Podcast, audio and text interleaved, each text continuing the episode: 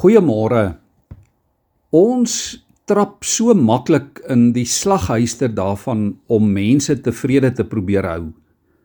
Ons laat ons baie keer beïnvloed deur die opinies en die optredes van mense.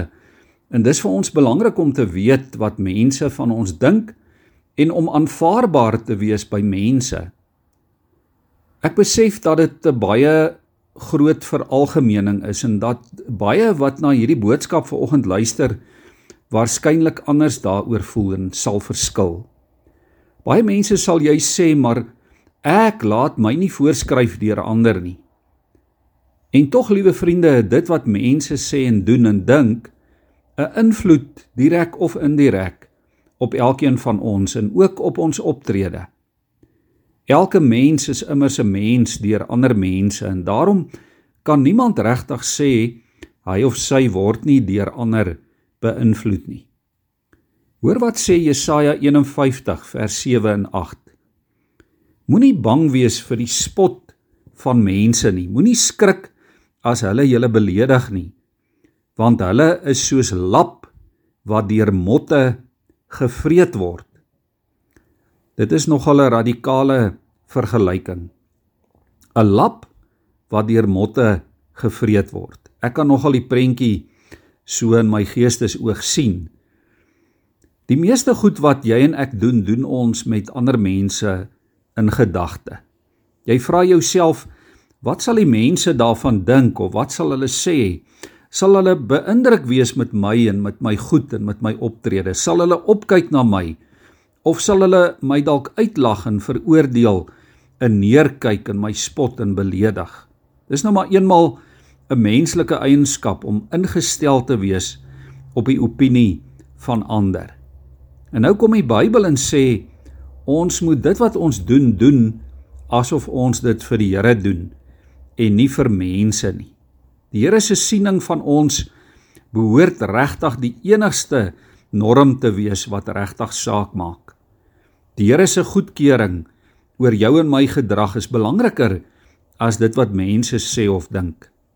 Ons moet veral ook nie bang wees vir mense se spot en belediging omdat ons Christene is en God se kinders is nie, omdat dit vir ons belangrik is om die regte dinge te doen en goeie keuses te maak nie. Ons hoef nie daaroor skaam te wees of terug te duins nie.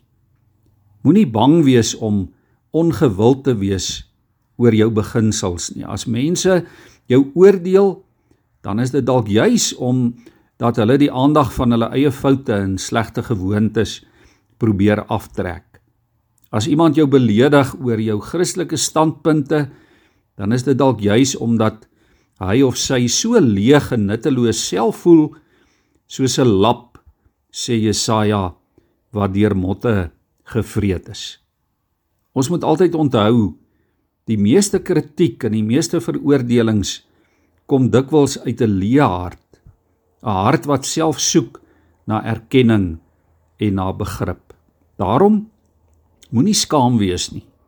Moenie skaam wees dat jy anders is omdat jy die Here dien en die Here in sy woord liefhet nie. As jy self 'n persoon of 'n saak moet kritiseer of jou opinie oor iemand anderster moet lig of moet lewer, maak dan seker dit gaan oor die eer en oor die belange en oor die verheerliking van God en van sy koninkryk. Kom ons buig ons hoofde so saam in gebed voor die Here. Here, dit is so wonderlik en bevrydend vanmôre om te weet dat die enigste opinie wat regtig tel en wat regtig saak maak is u opinie.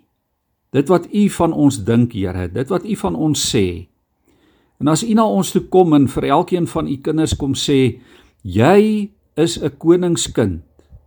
Jy behoort aan die koninkryk van God en die en die eer van God is deel van jou lewe. Here, dan is dit vir ons genoeg. Dan hoef ons nie bekommerd te wees oor die opinies en oor die menings van mense nie. Here, dan hoef ons nie te soek na die eer van mense nie, omdat ons weet dat ons eer in ons erkenning by U lê. Dankie daarvoor, Here, in Jesus se naam. Amen.